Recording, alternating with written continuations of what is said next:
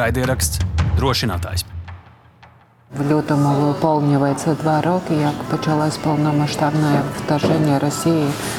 І два роки, як ваша донька ніколи не бачила свого батька.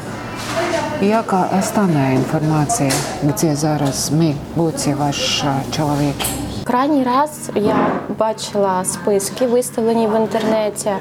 Е, Це була Горлівська колонія 27. Це було 9 лютого минулого року. Е, Був дуже великий список, тобто тоді наших хлопців е, великою кількістю з лікарні перевезли ймовірно в Горлівку. Але від звільнених інформації немає, тобто щоб його ніхто не бачив. Е, Тобто невідомість. Я не знаю, де він, інформації ніякої немає. І зв'язку взагалі за ці 20 місяців полону в нас не було. Коли ви останній раз розмовляли з чоловіком? СМС-ка була перед виходом з Азовсталі 16 травня в ніч 16 на 17 травня. Е, Вона була особистого характеру. І про полон там нічого не було. Просто що я вас обіймаю, люблю, ну таке. І вже потім за документами я дізналась, що 17 травня він вийшов в полон. Тобто він написав перед виходом. А щоб по телефону говорити, прям чесно, я не пам'ятаю, тому що 2 березня зник зв'язок взагалі. Потім він періодично з'являвся і частіше за нього писав хтось або телефонував хтось, просто повідомити, що все добре. Розкажіть, будь ласка, трохи про Олега, скільки йому років, ким він був до повномасштабного вторження. Ми з Олегом познайомилися в 2020 році, в 2020 році. Ми досить довго з ним просто дружили. Йому він вже служив, тобто його військовий шлях почався задовго до нашого з ним знайомства. І ем, дуже важко було прийняти рішення про сумісне якесь життя, тому що людина військова. Це треба було. Тобто зараз я на собі відчуваю, що це таке, яка це відповідальність, як це важко і що з цього може бути. Олегу він старше мене на три роки, тобто в цьому році йому має виповнитись е, 33. Е, спеці- Я знаю, що він пішов, коли він пішов служити, він працював просто в ремроті. Вони ремонтували техніку, тому що це його фахова освіта е, пов'язана з е, автомобілями. Таке чим детально займався, я чесно і сама не знаю. Бо це сім'я військових, тобто твоя сім'я це п'ятниця, субота, неділя. Все інше він знаходиться безпосередньо на службі. І коли він приходив додому, то коли навіть брат його щось намагався там розповісти, якісь моменти, Е, Він казав: Я вдома, я хочу відпочити, тобто давай не будемо говорити про якісь робочі взагалі моменти. Тому він більше міг, знаєте, так е, може переводити розмову, як в тебе справи, ось в такому плані. Тобто ми більше говорили, напевно, про мене, про мою роботу, потім про плани на дитину. Ну, таке. В якому році він е, вступив до лав захисників України? Е, Чесно, я це знаю з російських ресурсів. Там написано, що це 14-й рік. Я знала, що давно. Просто я в не лізла. Я йому таке задавала питання, чому ти вирішив це зробити? Бо молода людина. Е, Він казав: ну хтось же має. Олег один із е, двох з половиною тисяч українських військових, е, які вийшли з Азовсталь 17 травня 22 року. Чи пам'ятаєте ви той день, що, що ви відчули в цей день? Я пам'ятаю добре 16 травня. Ми всі дивились уважно за новинами і російських телеграм-каналів. Там було зрозуміло, що щось відбувається. Або е, кажуть, що припинилися е, постріли, припинилися, що ніби хтось там виходить з білим е, намистом, що вони здаються. І головне, ми розуміли, цілий день нема пострілів. Ну, Я розуміла, що або їх рятують в іншу країну, або це полон. І вже 16 е, травня е, вийшло офіційне звернення Редіса. За його промовою стало зрозуміло мені особисто, що це полон. Проте, чи живий мій чоловік в цю дату, я не знала. Е, нема зв'язку.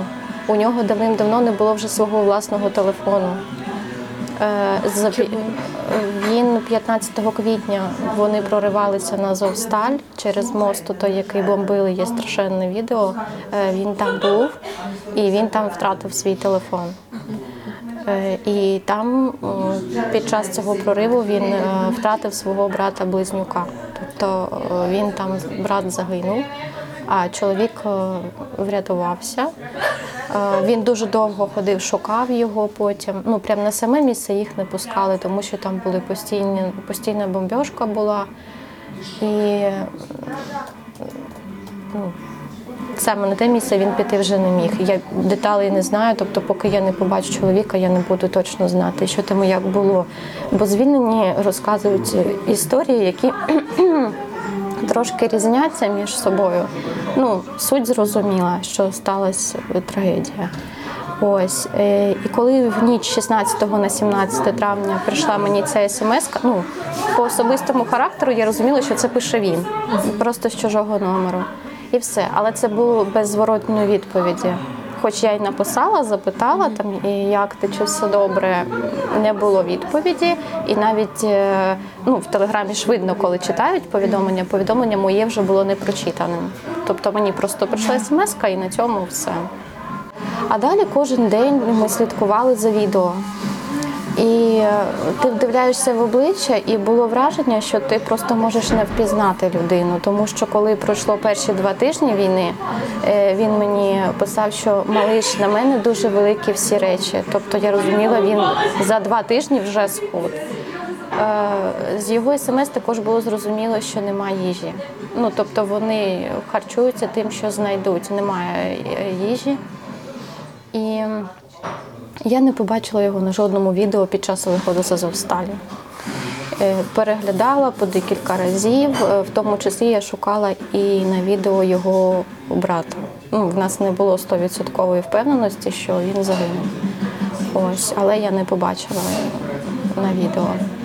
І перший раз, коли з моменту 24 лютого і вже після Азовсталі, Оленівки, я вперше побачила чоловіка на відео з лікарні. І якою він був там? По-перше, я не хотіла його дивитись. Це було відео на каналі Шарія. Е, Там було просто написано коменти, що дякую, хоч хтось дізнає, побачить своїх рідних. Я почала вімкнула і почала його просто перелистувати.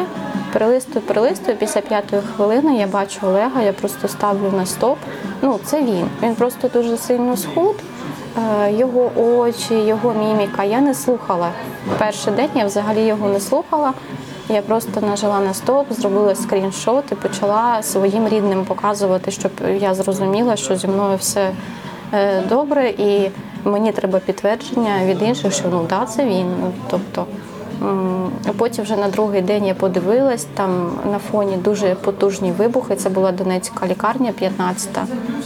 Дуже сильні потужні вибухи весь час, оскільки хлопці говорять там 13 хвилин. Тобто я розуміла, що вони все одно під обстрілами. Які у нього були травми? Він там називає, але відео обривається. Тобто він говорить поранення осколкові по всьому тілу, тобто голова, е, тіло. У нього ось так е, через руку е, бінт перемотаний, е, перемотана, наскільки мені видно, бо там же ж зйомка така ще була не в повний зріст. Перемотана долонь. А чи права, чи ліва, не знаю, дивлячись, як його знімали. Ну, по відео, вроді, ніби як права. Вона тримається на цьому бинті через шию. Він сказав, що там якесь сквозне ем, через руку. І щось далі він перераховує, і воно так обривається, і далі в нього вже щось інше питають.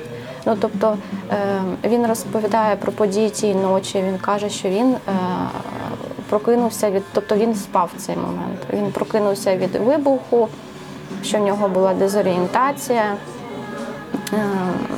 І він потім якось зрозумів, що йому треба виповзти чи вийти, і він е, пішов чи поповз туди до виходу.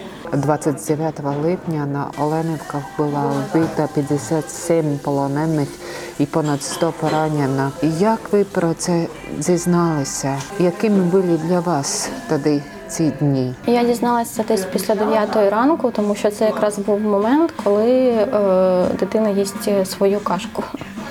От, І вона якраз доїдала, я щось йшла з пляшечкою, я по телебаченню почула про Оленівку. До цього там ем, ми знали, що ну, то прилітає, ну це передова лінія. Е, і я думаю, ну, як завжди, просто там прилетіло, потім кажуть, що загинули там люди. Е, Звичайно, почалась паніка, нічого не відомо. Е, І в нас був такий маленький чат е, родин, самий-самий перший. Е, Я написала, кажу, там щось сталося. Вони ти- типу, це російські новини, не звертай уваги, це все провокація. І потім пішли відео, фото, кажу, ні. Е, Той чоловік, який був звільнений в червні 22-го року, повідомив, що це промзона. Там ніколи нікого не тримали, тобто це провокація. Е, Я кажу, ні, там рештки людей, ну тобто хтось там був. І все якось. ем, Трошки стало спокійно, бо ти розумієш, ніби ну, людей отримували в інших бараках, е, значить, ну, хтось там інший. Може, це трошки цинічно, але так кожна, родина напевно думала, що аби там не було мого. І коли в ніч вже на 30 липня з'являються списки, я чогось і прокинулася ще десь о другій ночі і зайшла в цей канал Ірина Україна. У нас такий популярний є. І там виставлені списки загиблих. Я їх відкриваю, починаю бачити знайомі прізвища. Одна людина, друга людина. Потім бачу прізвище мого чоловіка. Я не можу нічого. Ну, паніка, звичайно. Е, Іти своїх будити друга ночі. Е, І потім хтось написав, що є списки поранених. Я кажу, дайте списки поранених. І вже в, ком- в коментах там йшли обговорення, типу двоє записані, чому двоє записані. І я дивлюся, і Олег в списку поранених, і коменти там ну, двох не довезли до лікарні, тобто, значить, це якраз ці двоє, тому їх так записали. Ну, ось так е, день живеш, віриш, день е, думаєш ні, ну як це. Або е, думаєш, це напевно, що їм було дуже погано, якщо їх цих людей не довезли, тобто в них був шанс. І ось так до 17 серпня Як відометься, що там а, в Оленівков сталося? В нас не було сумнівів, хто це зробив. Ну, тобто, що це зробила та сторона. Е, До сьогодні ми точно не знаємо, це був обстріл, це був підрив, тому що це було технічне приміщення, і навіть через обстріл е, могло ось так ось все загорітись е, різ. Або це було комбіновано, тобто те інше. Ми досі не знаємо. Нас більше турбує питання, навіщо? Яка мета цього була? Ну, для чого вони це зробили? І як вони туди обирали людей, бо вони їх реально обирали. Чому Олег потрапив у цей список? Я не знаю, в мене немає цього пояснення. Немає аналогії. Якщо брати військове, е, там все різне. Ну, може, якихось трошки по групкам можна їх об'єднати. Олега така спеціальність, ну, він водій. Е, Я не знаю, що він міг зробити такого, щоб їх його туди відвели. Там теж були хлопці водії, там були хлопці, ремонтники техніки, були більш значимі е, і- і в званні, і в професійній діяльності. Тобто вони були різні. Єдине, що я можу для себе так трошки проаналізувати, це кубками були люди, які спілкувались добре в повсякденному житті і товаришували вже дуже багато е, років. Ну, це якось ось так, якщо їх можна поділити на групки. А в цілому ну немає нічого в них спільного. Все, все різниця, тому я не знаю, як, як вони їх обрали. Це наше ГУР сказало, що це люди, які не погодились е, зніматись в їхніх пропагандистських відео. Так це чи не так, ну не знаю. Як би ви оцінили відповідальність міжнародної спільноти, коли вони залишили Азовсталь їм обіцяли безпеку?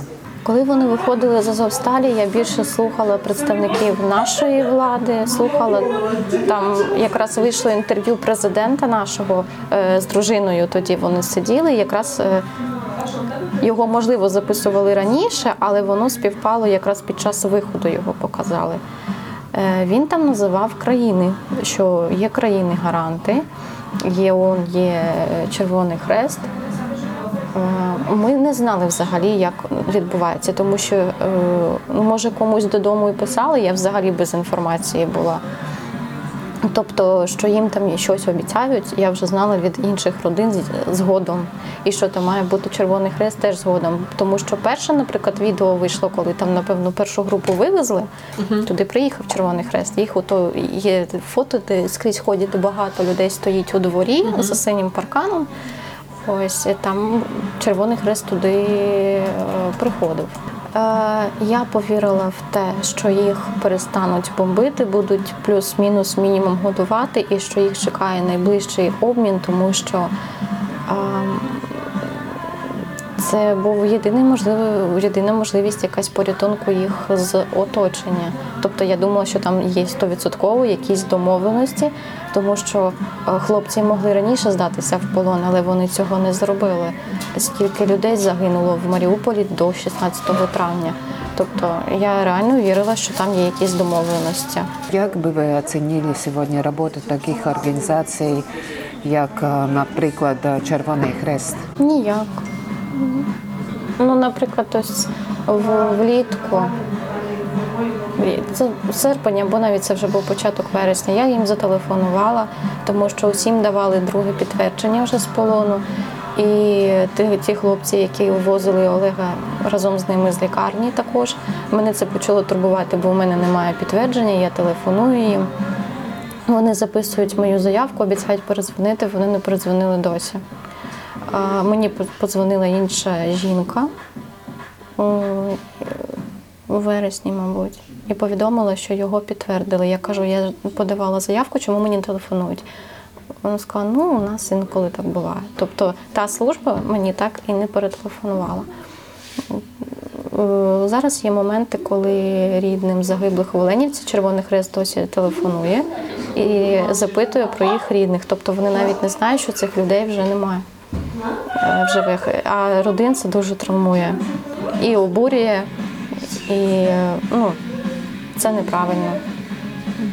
Можливо, б навіть було б краще, якщо б наші органи дали вже їм цей список, щоб е, хоча б цих родин не турбували і їм не телефонували. ООН, не знаю. Ми, ось, ми зустрічалися з однією жінкою, це було в офісі омбудсмена на річницю Оленівки. Ну, вони всі стурбовані, вони нам співчувають, але ну цього замало. Треба вести розслідування і втрачається час. Тобто, якщо раніше вони казали, ми не можемо туди поїхати, то сьогодні, через стільки часу, півтори роки, навіщо вже туди їхати? Там нічого немає. Як ви думаєте, чому вони нічого реально не роблять? Я не знаю, бо там не їх рідні. Коли там твоя е, рідна людина знаходиться, ти будеш робити понад все, е, щоб е, дізнатись, отримати інформацію. Тому не знаю. Е, я дивіться, я настільки на них не розраховувала, що мені е, просто, мабуть, на них е, байдуже. Я розумію, що ми самі. е, Є державні органи, які допомагають нам, хтось більше, хтось менше. Тобто це наша робота. На міжнародні організації я не маю надії. Вони себе вже показали. Вони, тобто вони займають позицію, як вони кажуть, ми нейтральні, ось пустять нас туди, е, тоді ми поїдемо. Їм також треба гарантії безпеки. Я не знаю. Червоний хрест, ну можливо, в якихось інших сферах вони більш дієві. Наприклад, е, наш офіс український він допоміг нам сформувати офіційно оформити нашу громадську організацію. Тобто, в чому можливо вони корисні, але тоді треба передивитись мандат цієї організації, наприклад. Е, Можливо, створити якусь нову організацію, яка буде займатися окремо військовополоненими.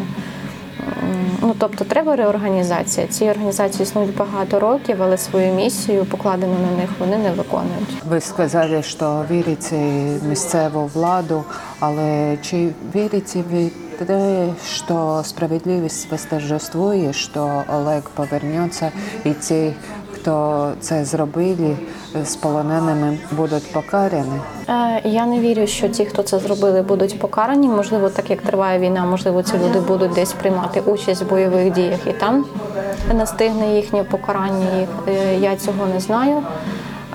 Я хочу дізнатись відповідь на два запитання: Е, чому там опинились саме ці люди, і для чого їх підірвали? Чому яка причина? Тобто для мене це найважливіше, тому що в покарання я не вірю вже давним-давно. За весь цей час, взагалі, за всі обміни, їх повернули 23. Е, 11 з них важко поранені. Ми розуміємо, що не можна там усіх одразу, але хоча б по декілька людей включайте в обмін, повертайте вони. Частина з них інвалідами залишиться вже. Ну морально, психічно я взагалі про це не говорю, а фізично так їм треба операція. Як ви бачите, чи е, робить Україна все, щоб повернути їх додому? Так як е, повернення саме постраждалих в Оленівці, особливо важко поранених, да, і воно було тоді лише в вересні 22-го року, на сьогодні жодної людини, е, то я вважаю, що робиться недостатньо, тому що немає результату. Їх взагалі поставили важко поранених на стоп, і їх немає. Не знаю, чому вони можуть бути такі цінні тій стороні. Або наша країна проводила вже не один важкий обмін, як вони називали. Чому не повертають е, тих, кому потрібна медична допомога. Тому як дружина е, по результату діяльності я вважаю, що можна робити більше. А як там е, на самому ділі? Я ж не знаю, як ведуться перемовини і які умови виставляються.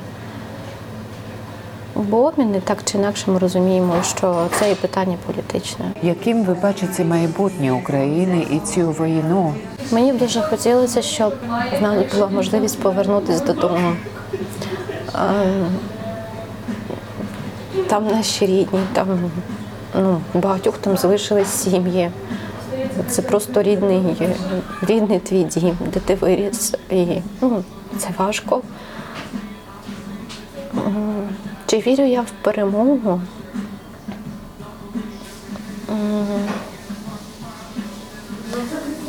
Е, Я не знаю, чи вдасться повернути абсолютно всі території, або наскільки це піде часу. Я думаю, що це буде дипломатичним шляхом, на це піде багато років.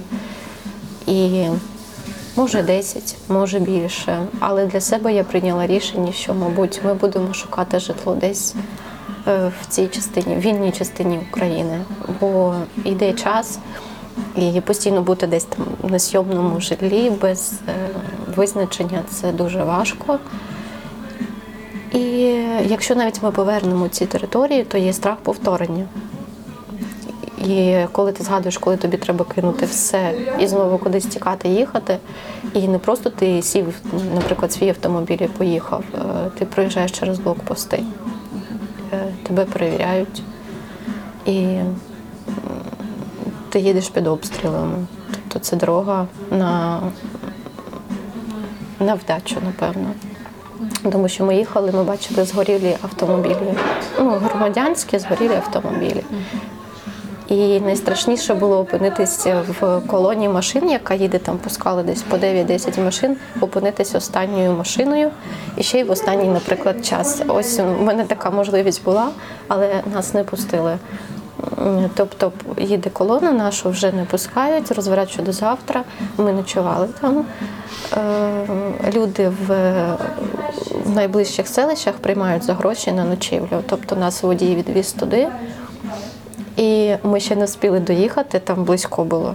Вже почали гатити. Тобто та колона людей, яка поїхала, вона вже попала під обстріл останній. Якби у вас була можливість щось сказати росіянам, російській громадськості, що би ви сказали? щоб вони виступили проти, проти війни, тому що буквально вчора, вже приїхавши з Києва, на ніч я вімкнула свої відео.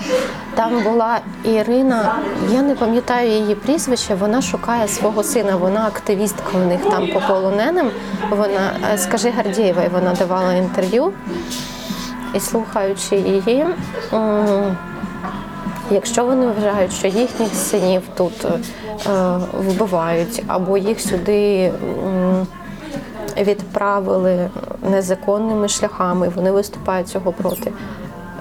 Їм треба виходити на вулицю, я не знаю, їм треба діяти, тому що я ж кажу, я ніколи не вірила, що саме ця країна може вчинити з нами таке. Просто прохання до них, не знаю, перестати стріляти, за що вбивають е, дітей, е, жінок. Ну це ж правда, їх вбивають, і ви особисто вже пересвідчилися, як відбувається. За що? Що саме прості люди, що можуть вирішити в цьому питанні? Скільки зруйнованих доль людей е, це не пробачиться. І діти, які ростуть, вони не пробачать, що багато з них залишились сирітами. Чому так вивозять масово дітей? Тому що е, якщо вони будуть виховуватись в Україні, будуть знати правду, вони потім на ту Росію підуть е, самі зі зброєю, бо вони зруйнували їх життя. Що допомагає е, вам залишатися сильною, е, триматися? Не знаю, дитина, мабуть. Тому що заради неї це все робиться перш за все, щоб вона побачила тата, щоб в неї була повна сім'я. Тому що чоловік, наприклад, їх виховувала бабуся. Е, В мене повна сім'я. І я знаю між цим цим різницю. І вона дуже на нього схожа. На них не можу сказати на нього, бо вони в дитинстві теж вони між собою, вони ж близнюки, вони дуже схожі. І я знаю його мрії, як він чекав, як він планував. Е, е, Тобто стільки любові, стільки е, планів до цієї дитини в нього було. І я хочу, щоб вона це відчула. В неї очі, це ось копія його. І вони можна сказати, він кожен день на тебе дивиться.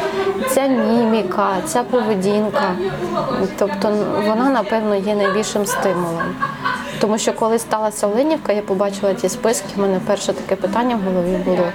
Боже, чому все так? І е, чому ця маленька дитина має бути в цьому всьому жаху. А потім, коли ми отримали надію, я зрозуміла, що треба боротися.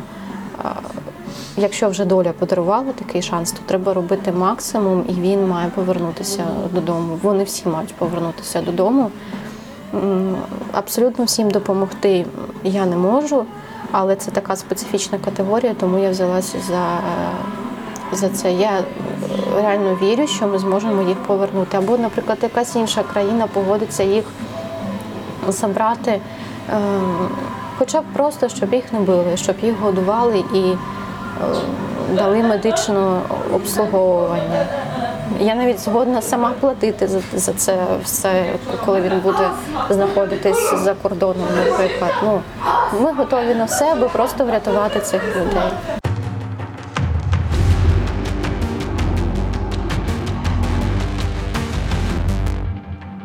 Raidieraksts drošinātājs.